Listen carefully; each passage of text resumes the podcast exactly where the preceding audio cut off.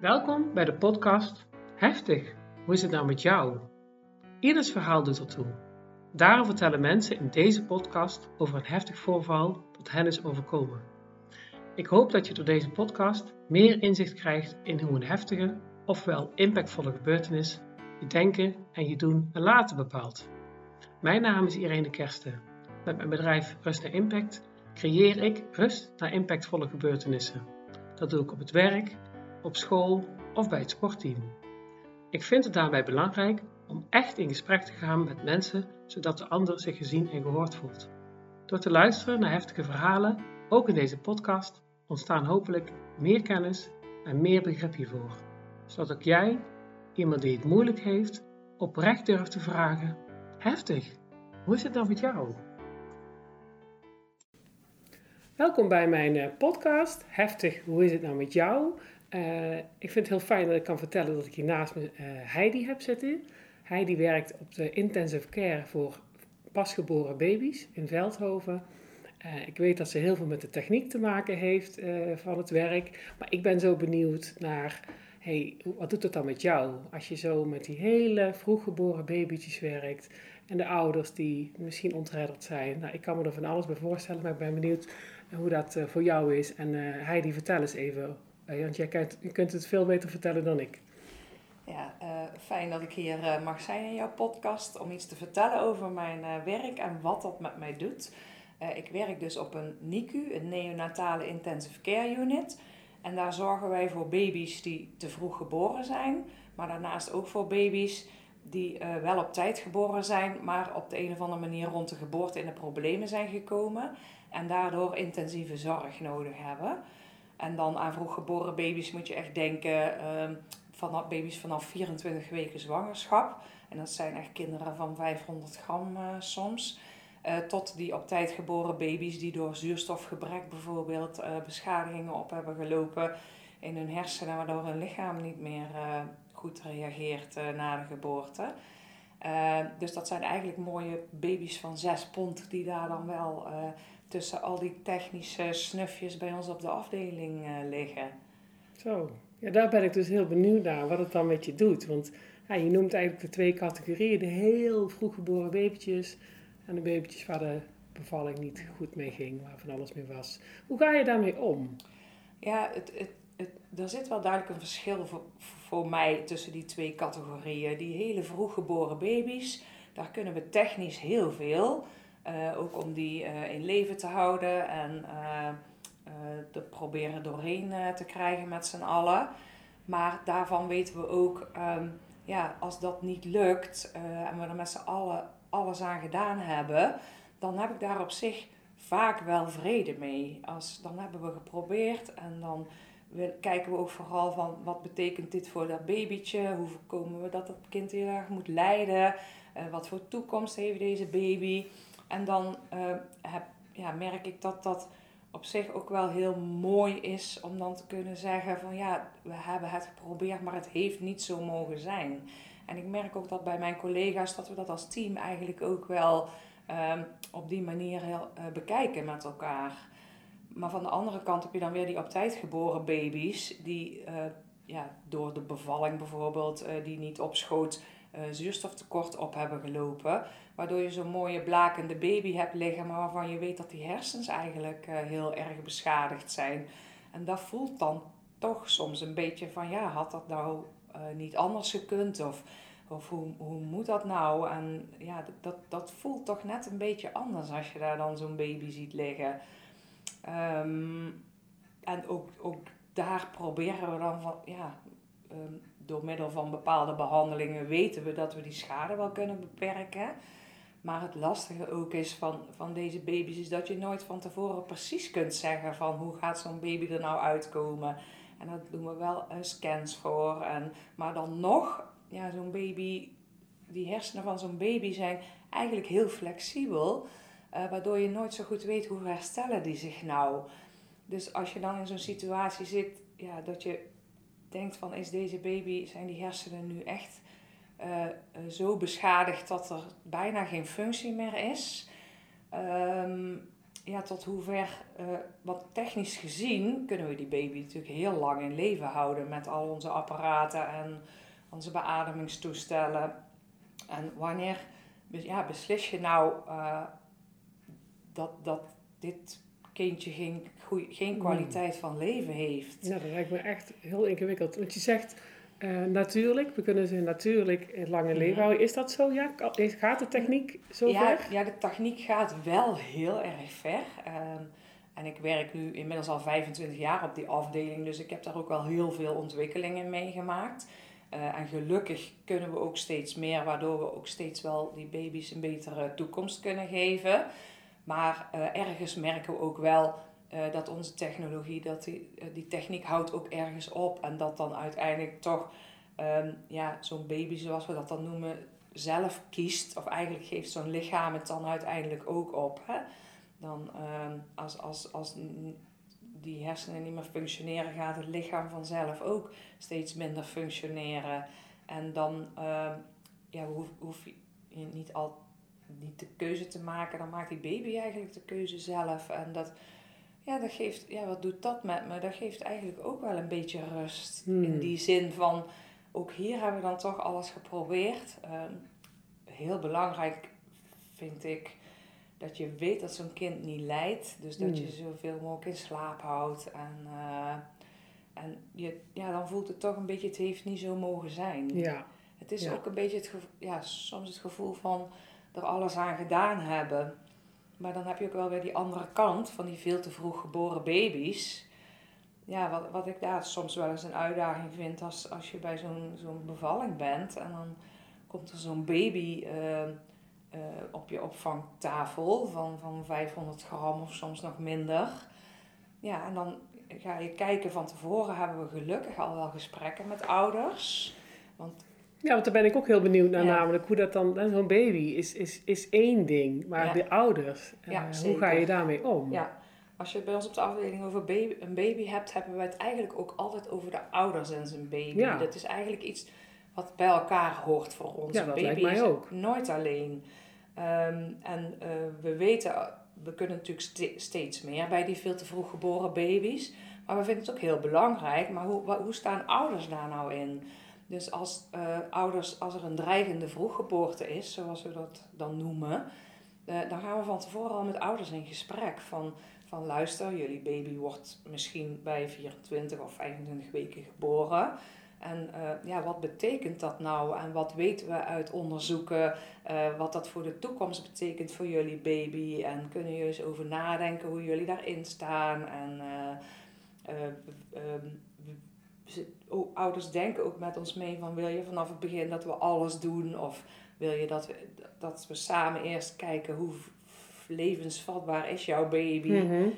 um, en dat, dat ouders daar wel op voorbereid zijn. Het is zeker niet dat ze voor een blok gezet worden. Het gebeurt natuurlijk wel eens. Maar over het algemeen uh, weten we wel als een baby te vroeg geboren gaat worden. Proberen we de ouders wel al heel vroeg in mee te nemen. Um, in, in, in wat betekent het nou en voor de toekomst. En dat ouders ook wel zelf tijd krijgen om na te denken wat het voor hun betekent. En uh, ja, het is voor hun een hele nieuwe uh, wereld waar ze natuurlijk nooit in geweest zijn. Dus je moet ouders er ook wel heel erg in ondersteunen. Ja. En um, we respecteren ook heel vaak de wens van ouders. Als ouders bijvoorbeeld bij 24 weken zeggen: uh, Ja, weet je, als, als mijn baby, als je levensvatbaar is en jullie zien dat hij krachtig is en goed doet, nou dan, dan gaan we gewoon voor die baby zorgen. Maar als het al moeilijk is vanaf het begin, dan gaan we dan alstublieft niet reanimeren of, of dat soort dingen spreken we dan wel door. Want dan heb je het over ouders die heel goed begrijpen wat er gaande is. Um, is het ook ooit anders? Ja, we hebben zeker ook, ook te maken met ouders met een taalbarrière of uh, andere culturen. Andere cultuur. Ja, zeker ook met laaggeletterde ouders. Of, uh, maar ja, daar proberen we als team wel uh, zoveel mogelijk op in te spelen op, op de situatie van de ouders. Dus we proberen dat per paar aan te, of per ouders aan te passen. Um, maar cultuur is ook wel weer een, ook wel weer een, een, een ander ding. Um, waardoor ja, wij soms wel lastig hebben met keuzes die ouders van andere culturen maken.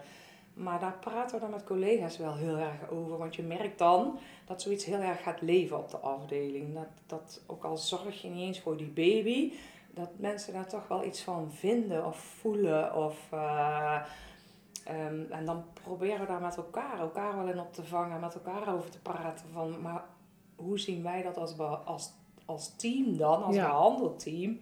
En hoe zien die ouders? En dan hebben we echt wel respect voor voor cultuur. Want weet je, je ziet bijvoorbeeld um, als westerse ouders uh, willen, uh, uh, die willen heel graag voor hun baby zorgen, hun baby veel bij hun hebben.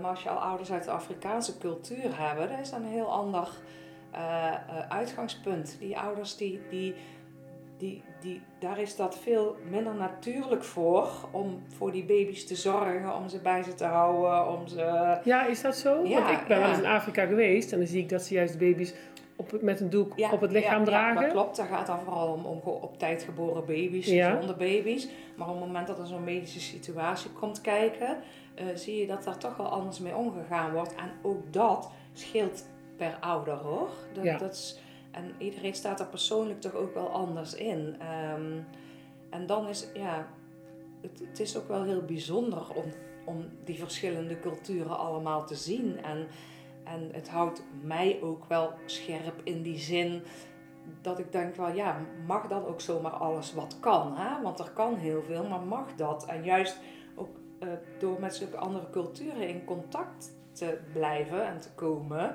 ga je ook wel uh, anders naar situaties kijken soms. Oké. Waardoor je het soms van andere punten bekijkt. Ja, want hoe dan ook, je, je, je bent een Hollandse dame, ja. nuchtere uh, tuindersdochter. Mm -hmm. uh, je kijkt dan toch met die bril de wereld in. Ja, Ik vind het dan mooi dat je dan zegt van, want eigenlijk zeg je dan, nou, laat me eens door jullie bril kijken. Ja. Hoe is dat voor jullie? Ja. Ja, en, en dat is ook wel heel erg waar we in onze afdeling, op onze afdeling naar werken van naar dat gezin kijkende en wat heeft dat gezin nodig. En, en natuurlijk hebben wij als, als behandelteam de expertise op het medisch vlak. Maar er zit natuurlijk nog een heel gevoelsmatig, intuïtief ander vlak achter. En dat zoeken we vooral bij die ouders ook. Ja. En we proberen die ouders daar ook in mee te nemen. Mooi, mooi. Ja. Kom je ook ooit in gewetensnood? Of? Uh, ja, zeker wel. Um, er zijn echt wel uh, situaties waarin we echt tegen de grenzen van ons behandel kunnen aanlopen. En waarvan uh, we weten, nou voor dit kind, ja, dat noemen we eigenlijk ook wel bijna zinloos lijden voor dit kind. Dat kind heeft geen toekomst. Dat, uh, ja, dat lijfje, die hersenen, dat, ja, ondanks dat alles wat we hebben geprobeerd, gaat het gewoon niet lukken. Uh, en dat ouders dan toch van ons vragen van ja, maar we willen toch dat jullie nog uh, meer medicatie geven, onze baby toch reanimeren als, als het niet meer gaat. Uh, en dat, dat is wel echt heel erg heftig, omdat ons doel blijft, we moeten baby's een toekomst bieden en ja. moeten baby's niet laten lijden. Ja. En als een baby geen toekomst heeft en je ziet op een gegeven moment dat ze toch gaan lijden als we alles uit de kast blijven halen om zijn baby in leven te houden. Dus dat is, dat is echt heel zwaar om dan voor zijn baby te ja, zorgen. Ja, dat lijkt mij ook. Maar je wil ook niet voorbij gaan aan die wens van die ouders om er alles aan te doen. En uh, ja, wat, wat we vaak zien is dat ouders gewoon echt tijd nodig hebben om het te verwerken. Ja. En, uh, maar, maar het ja, het komt echt wel eens voor dat we wel als behandelteam zeggen: u, ja, de tijd is tot dan en dan en dan kunnen wij er niet meer achter staan. En, en moeten we gewoon stoppen. En ik heb zelfs één keer wel meegemaakt dat een baby daardoor nog overgeplaatst is naar een ander ziekenhuis. Omdat wij daar gewoon niet meer mee om konden gaan. En ouders, ondanks alles, wilden blijven. Ja. En de, en, er niet aan. Ja, dat en dat, niet dat ging zijn, lukken. Ja, er zijn hele heftige casussen. En het komt zo eens eens in de zoveel jaar voor. Maar elke keer is het weer heel heftig. En er is elke keer weer geen pasklaar antwoord. Ja. Elke casus is weer apart. En hoe ga je daar dan mee om? Als je dan van zo'n dienst thuiskomt, hoe ga je daar dan mee om? Ehm, nou, wat we in zo'n situatie doen, is, is op, op de afdeling elkaar al heel erg opvangen. Ehm, als ik dan, ehm, ik zorg dan niet voor die baby, maar ik weet mijn collega, die, die zorgt voor die baby. En ik weet wat het kan betekenen als je voor zo'n baby moet zorgen. Dus dan, ja, je, als collega's vangen we elkaar dan wel op. Van, hey, gaat het nog? Moet ik iets overnemen van je? Uh, lukt het nog? En collega's mogen bij ons ook zeggen, uh, ik, ik kan niet meer voor die baby zorgen. Mooi, Dat mag je bij ons aangeven. Ja. Want ja, je, je wil ook, weet je, we hebben respect voor ouders en voor beslissingen. Maar ook als zorgverlener moet je niet vergeten om jezelf niet kwijt te raken en, en eerlijk te blijven naar jezelf. Want ook die zorgverlener moet verder naar zo'n casus. Ja, want daar ben ik dus zo benieuwd naar. Ja. Dus, ja, heftig. Hoe is het dan Ja. met jou? Maar ik hoor dus heel veel eh, warmte in het team, Mhm. betrokkenheid in het Mhm. team, er voor elkaar zijn. Ja, Ja. super. Ja, maar, maar, maar het, het komt dat, dat we ja, bijna allemaal wel eens eh, voor zo'n casus komen te staan. En ook zelfs, ja, we hebben natuurlijk ook jonge cursisten, eh, nieuwe verpleegkundigen in opleiding, artsen in opleiding. Want ik vergeet vooral de artsen bij ons niet. Mhm. Want wij zijn wel echt een behandelteam. Het is niet zo dat die verpleegkundige daar alleen voor zorgt. Maar ook, ook die artsen staan bij zo'n baby waarvan ze dan denken, ja, eh, ik wil eigenlijk niet meer zo ver gaan.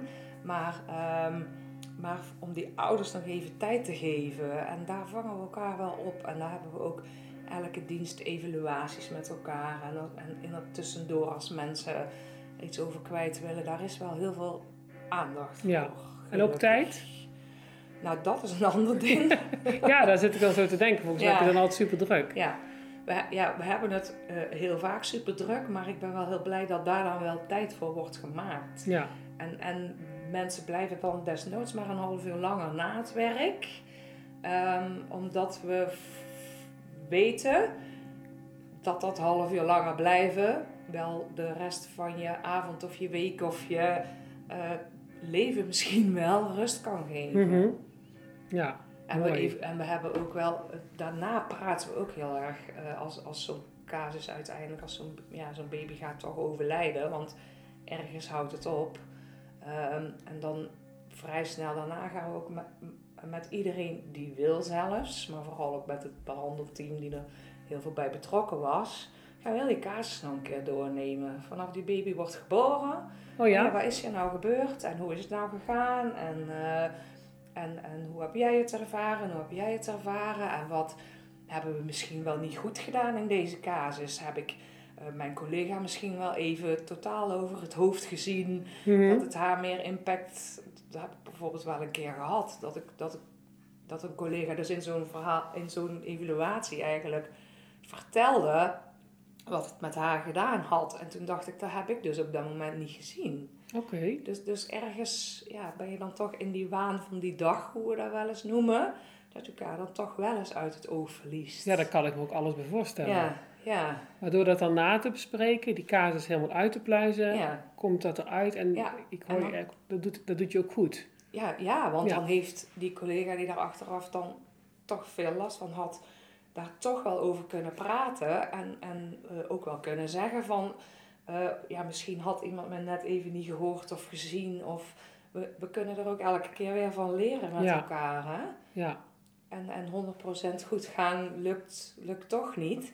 En, ehm, en je blijft het ook wel altijd onthouden, dit soort casussen. Het is, het is niet dat dat dan eh, met zo'n evaluatie en iedereen heeft erover gehad dat het afgerond is. Nee. nee. Nee, en dan hoor je zelfs soms na een jaar nog wel eens op de afdeling dat iemand dan ineens zegt van, ach weet je nog, vorig jaar om deze tijd hadden we dat en dat en dat. En dan hebben we het er toch nog wel eens over. En, eh, Oh ja, ik vind dat wel mooi. ja, dat blijft wel, blijft wel leven. Mhm, Want mhm. het is natuurlijk, ehm, ja, het blijft gewoon heel erg lastig om ja, die technologie van kunnen we alles, eh, doen we alles in relatie tot het leven, de toekomst van zo'n ja. baby. Ja, En hebt ik zeg, ik nodig. werk daar 25 jaar, maar dat blijft nog elke keer.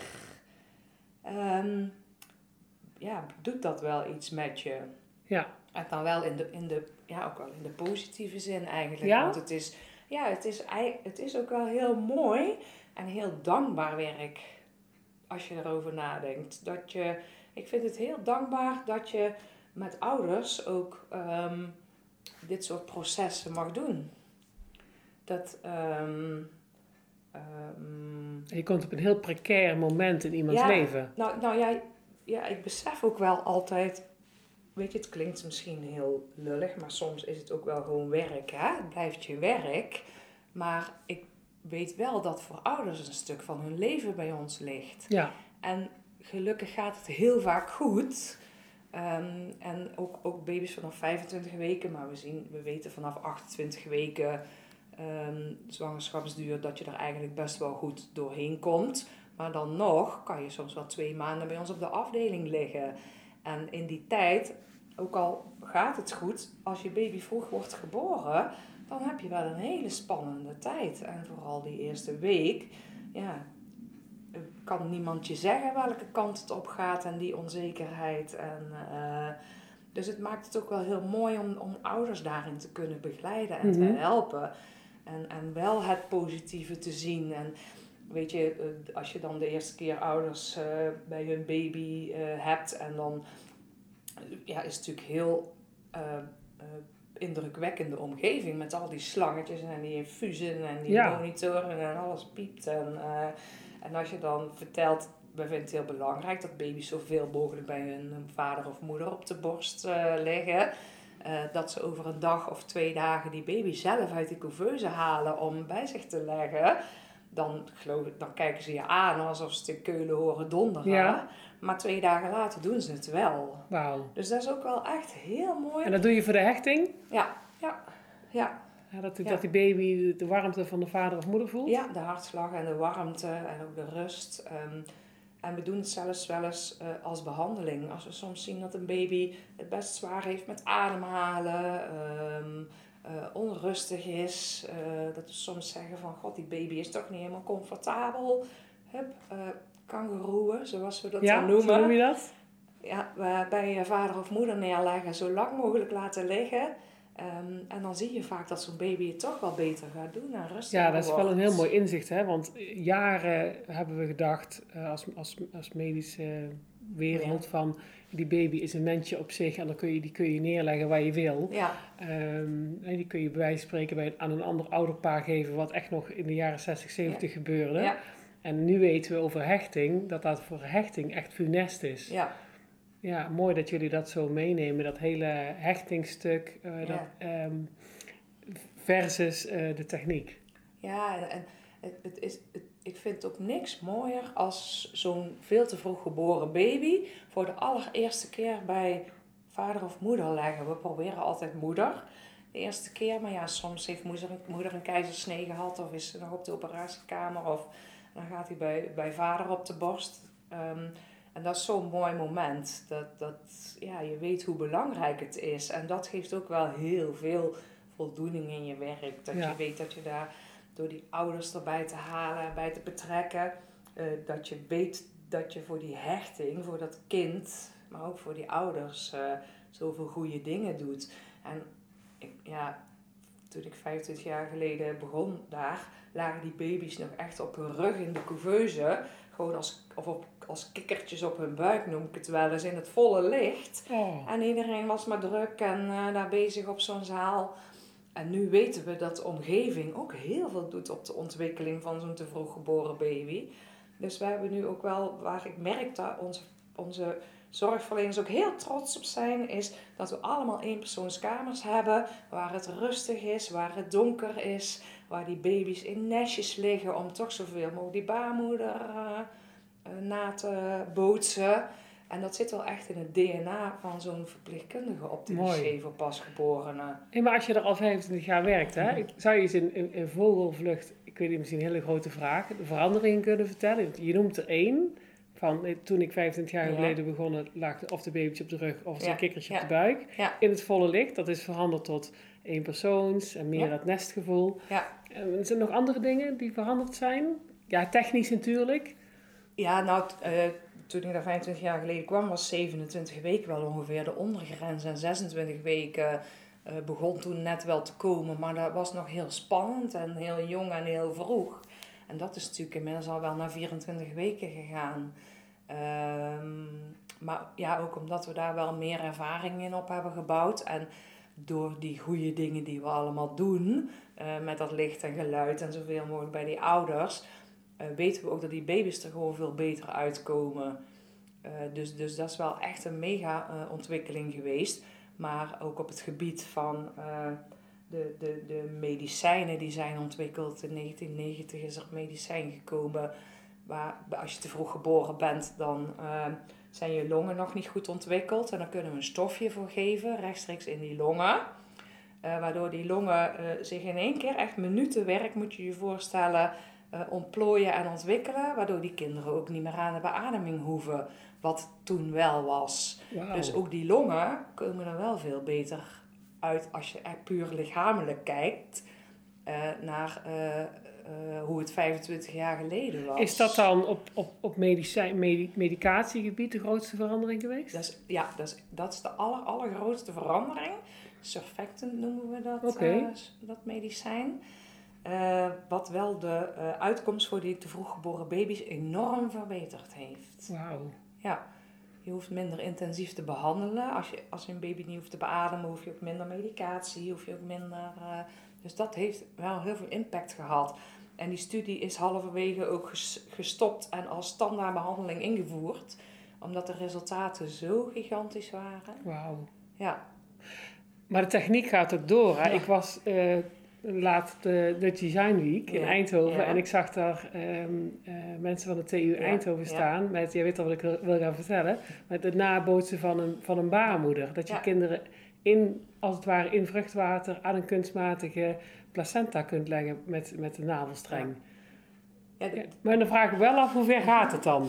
Nou, dat, dat, daar vragen wij ons ook af.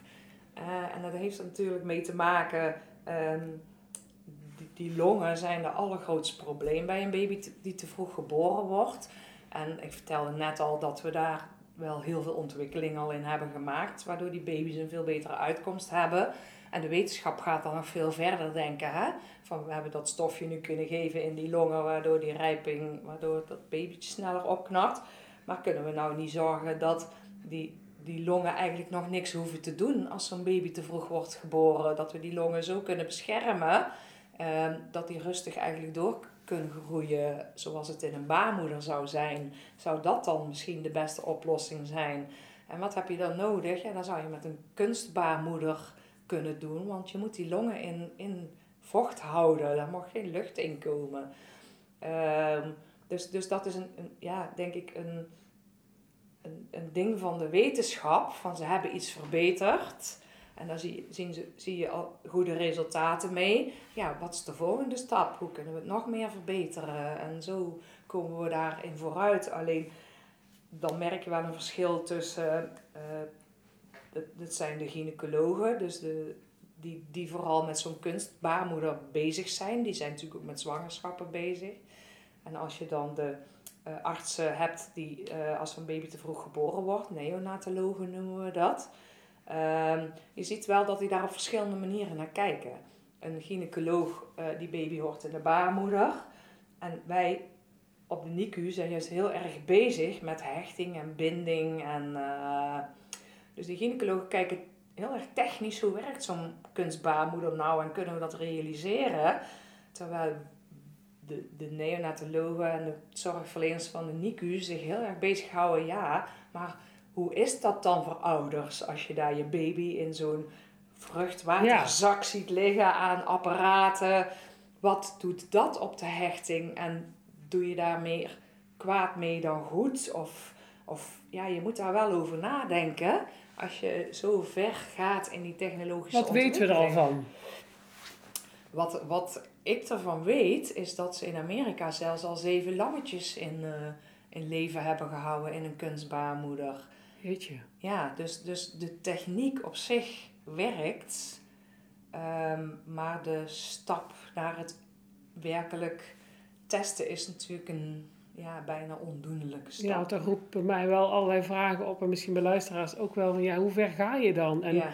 en, en hoe verhoudt zich dat Mm. tot, ja, Ja, maar, maar je ziet dat er technisch heel veel dingen ontwikkeld worden die uiteindelijk nooit toegepast worden. Omdat ze wel technisch heel veel mogelijk kunnen maken, wat ik ook steeds zeg. Hè. Wij kunnen technisch ook heel veel bij ons op de afdeling voor die baby's. Maar zodra je dat naar het echte leven brengt, zoals wij dat dan wel eens noemen, dan loop je tegen echt een heel aantal ja, bijna onoverkomelijke problemen aan. Ehm, maar dat moet je stap voor stap doen, want met niks doen komen we ook niet vooruit Nee, natuurlijk Nee, als ze nooit bedacht hadden dat die surfactant wel eens zou kunnen werken. Of ze vinden dat de technisch of de, ja, ergens moet je wel dat langzaam stap voor stap gaan kijken hoe, ja, hoe strookt dat met ons leven hè, als Ja. mens. En, eh, ja, en, en ja, wat vinden we daar als maatschappij nou eigenlijk van? En eh, ja, daar wordt een hele brede maatschappelijke discussie, Ja. denk ik dan. Ja.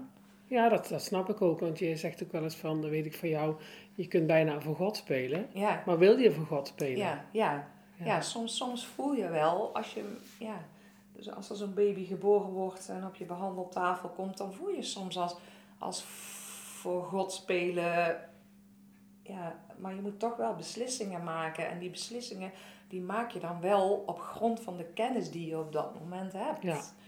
Van ik heb een baby, eh, zoveel weken geboren, die ademt wel of niet. Of, dus ik weet dat dat, ehm, wat, voor, wat het kan betekenen in de toekomst voor die baby. En dan neem je dan wel allemaal mee in je keuzes. Ik zit me af te vragen, hoe was dat voor jou toen je zelf zwanger was? Want ik weet dat je twee kinderen hebt, die Ja. zijn nog geen 25. Dus Nee. je werkte in die periode al Ja, op deze afdeling. Hoe was dat? Ehm, ik heb zelf altijd heel erg het gevoel gehad, eh, bij mij gaat dat helemaal goed, die zwangerschap. Ja, die overtuiging had je. Ja, ik had, de, ik had zoiets van, die natuur die doet zijn werk.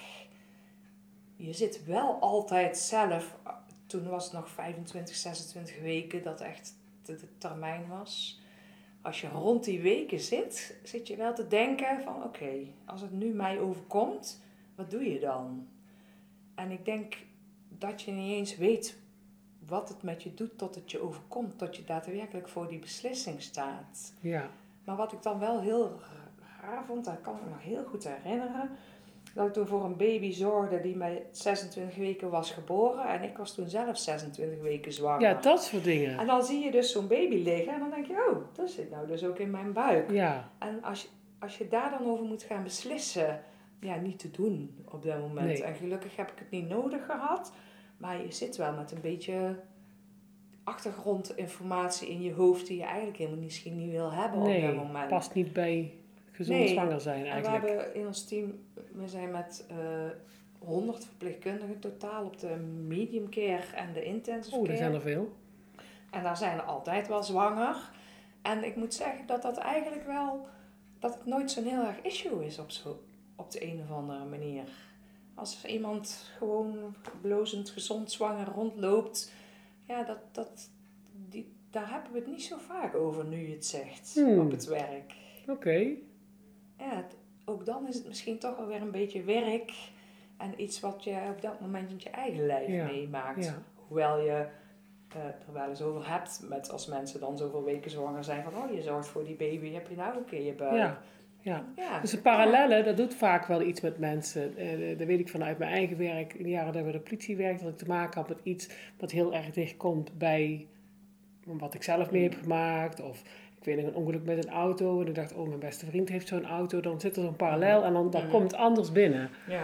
Ja, eh, dus eh, ja, dat zeg Ja. je ook. 26 weken zwanger. Ik dacht wel bij mezelf, oh ja, ja, ja. Zijn kinderen die worden nu al geboren. Ja.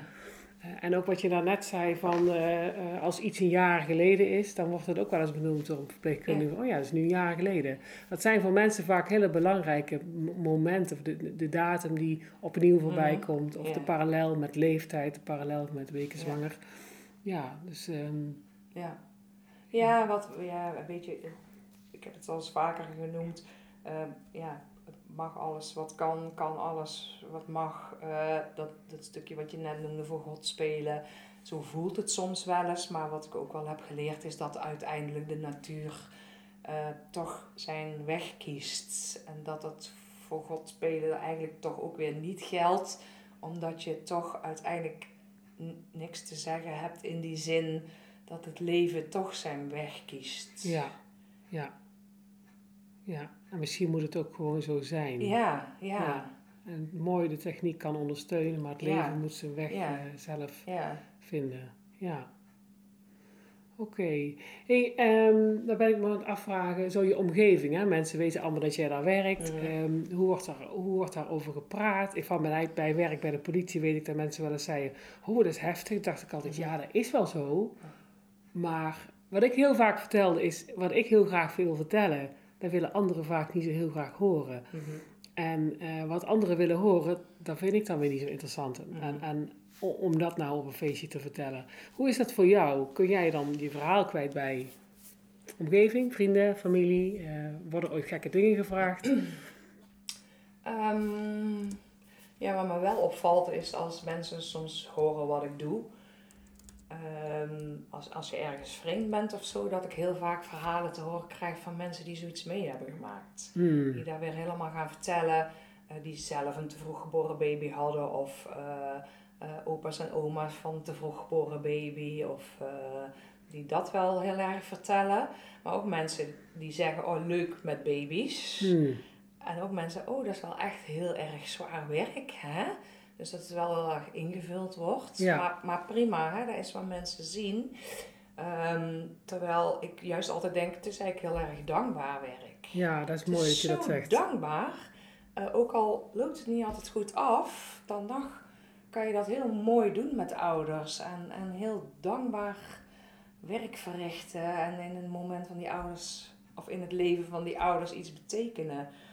En... Uh, maar ik snap ook heel goed dat de buitenwereld heel vaak niet helemaal snapt wat we daar doen of hoe dat werkt. Of, uh, of, of, of ja. En ik kan wel heel erg um, in mijn omgeving daar wel over praten als iets mij echt geraakt heeft. Ja. Maar ik merk wel dat over het algemeen het meeste op mijn werk blijft. Omdat het daar uh, al een heel eind. Uh, over gepraat kan worden. En ik ook niet heel erg de behoefte heb om dat verder in mijn privéleven te delen. Nee, dat hoor ik heel veel professionals zeggen. Ja? Ik laat het wel graag op het werk. Ja. Ja, dan, en, en, uh, en ergens is het ook wel logisch, want je hebt denk ik minder woorden nodig om dingen uit te leggen. Ja. Ja. Ja, het gaat vaak op basis van gevoel. Ja. En, en ik verwacht eigenlijk ook niet zo van mensen in mijn omgeving dat ze beseffen wat het betekent. Nee, misschien hoeft dat ook wel niet. Nee, nee. Nee, en soms denk ik ook, het is soms ook maar goed dat mensen niet, niet, niet, niet weten wat, ja, wat er bij ons allemaal gebeurt. In die zin van, van ja, ben blij zwanger en, uh, ja. en, en ja. Daar hoort een bepaalde onbevangenheid bij. Ja, ja, ja. ja. ja. Nou, ik vind het heel mooi dat je ook steeds aangeeft het belang van die collegiale steun. Het, met collega's, voor collega's en voor elkaar zijn. Uh, dat is, dat is uh, toch de kring die het dichtste bij je staat op het werk. En dat je niet hoeft te problematiseren. Dat als iets heftig is, dat je dan niet per se een psycholoog of een psychiater bij moet halen. Uh, maar dat dat inderdaad een kleine kring om je heen mag zijn. En als die goed is, hè, uh, ik heb het heel vaak over het belang van sociale steun. Sociale steun is de allerbelangrijkste beschermende factor bij wat je ook maar mee kunt uh, maken. Mhm. Dus als je iets heftigs meemaakt, maar als er mensen om je heen staan die zeggen: Kom hier met je verhaal en, en alles mag er zijn, die mensen komen er wel. En dat vind ik ook wel mooi om dat uh, aan het einde van ons gesprek mhm. mee te geven, dat dat zo belangrijk is. Um, en het niet invullen van hé, hey, het is heftig hè, voor jou. Nee, maar dan ga je voorbij aan jouw bevlogenheid. Want ik zie hier een heel bevlogen iemand zitten en dat weet ik van jou. Met inderdaad uh, ja, heel mooi werk, maar met een, mhm. met een mindere kant. Ja. dat je soms op de scheidslijn zit tussen uh, leven en dood. Mooi. En dat houdt je ook wel heel menselijk, vind ik. Want op, ik denk ook wel altijd op het moment dat het niks meer met je doet, zit je ook niet meer op de goede plek. Nee. Het blijft een gevoelswerk toch ook wel heel erg. Ja, ja dat, dat zeg je mooi. Want ik denk dan ook wel dat je de, ver- de, de verbinder bent tussen de techniek enerzijds, de baby anderzijds, en dan, sta, dan ben jij de brug. En Ja, als, je, als ja. je dat heel menselijk doet, Ja. vind ik dat wel heel eh, mooi. Dus eh, ja, heftig, hoe is het nou met jou? Ja, als je, ik denk dat we dan wel raken dat jij heel erg bij je bevlogenheid uitkomt. En Mhm. eh, zegt van ja, daar, daar, daar wil ik me heel graag juist voor inzetten. Ja, Dankjewel voor de ja fijne heel Heidi. Ik vind het eh, zelf ook wel, wel mooi om daar weer eens zo'n verhaal over te vertellen. En ja, er weer even bij stil te staan, maar wat doet het nou met mij? Dat vond ik wel heel mooi van dit gesprek. Oké, Ja. dankjewel. Ik hoop dat veel mensen luisteren Ja. en eh Dankjewel, uh, ik Irene. kan iets meegeven. Oké, luisteraars, bedankt. Dankjewel voor het luisteren naar de podcast Heftig, hoe is het nou met jou? Ik waardeer het als je deze podcast deelt of een review schrijft. Abonneren kan natuurlijk ook, zodat deze podcast meer bekendheid krijgt. Voor meer informatie zie mijn website rustnaimpact.nl. Hopelijk tot de volgende keer.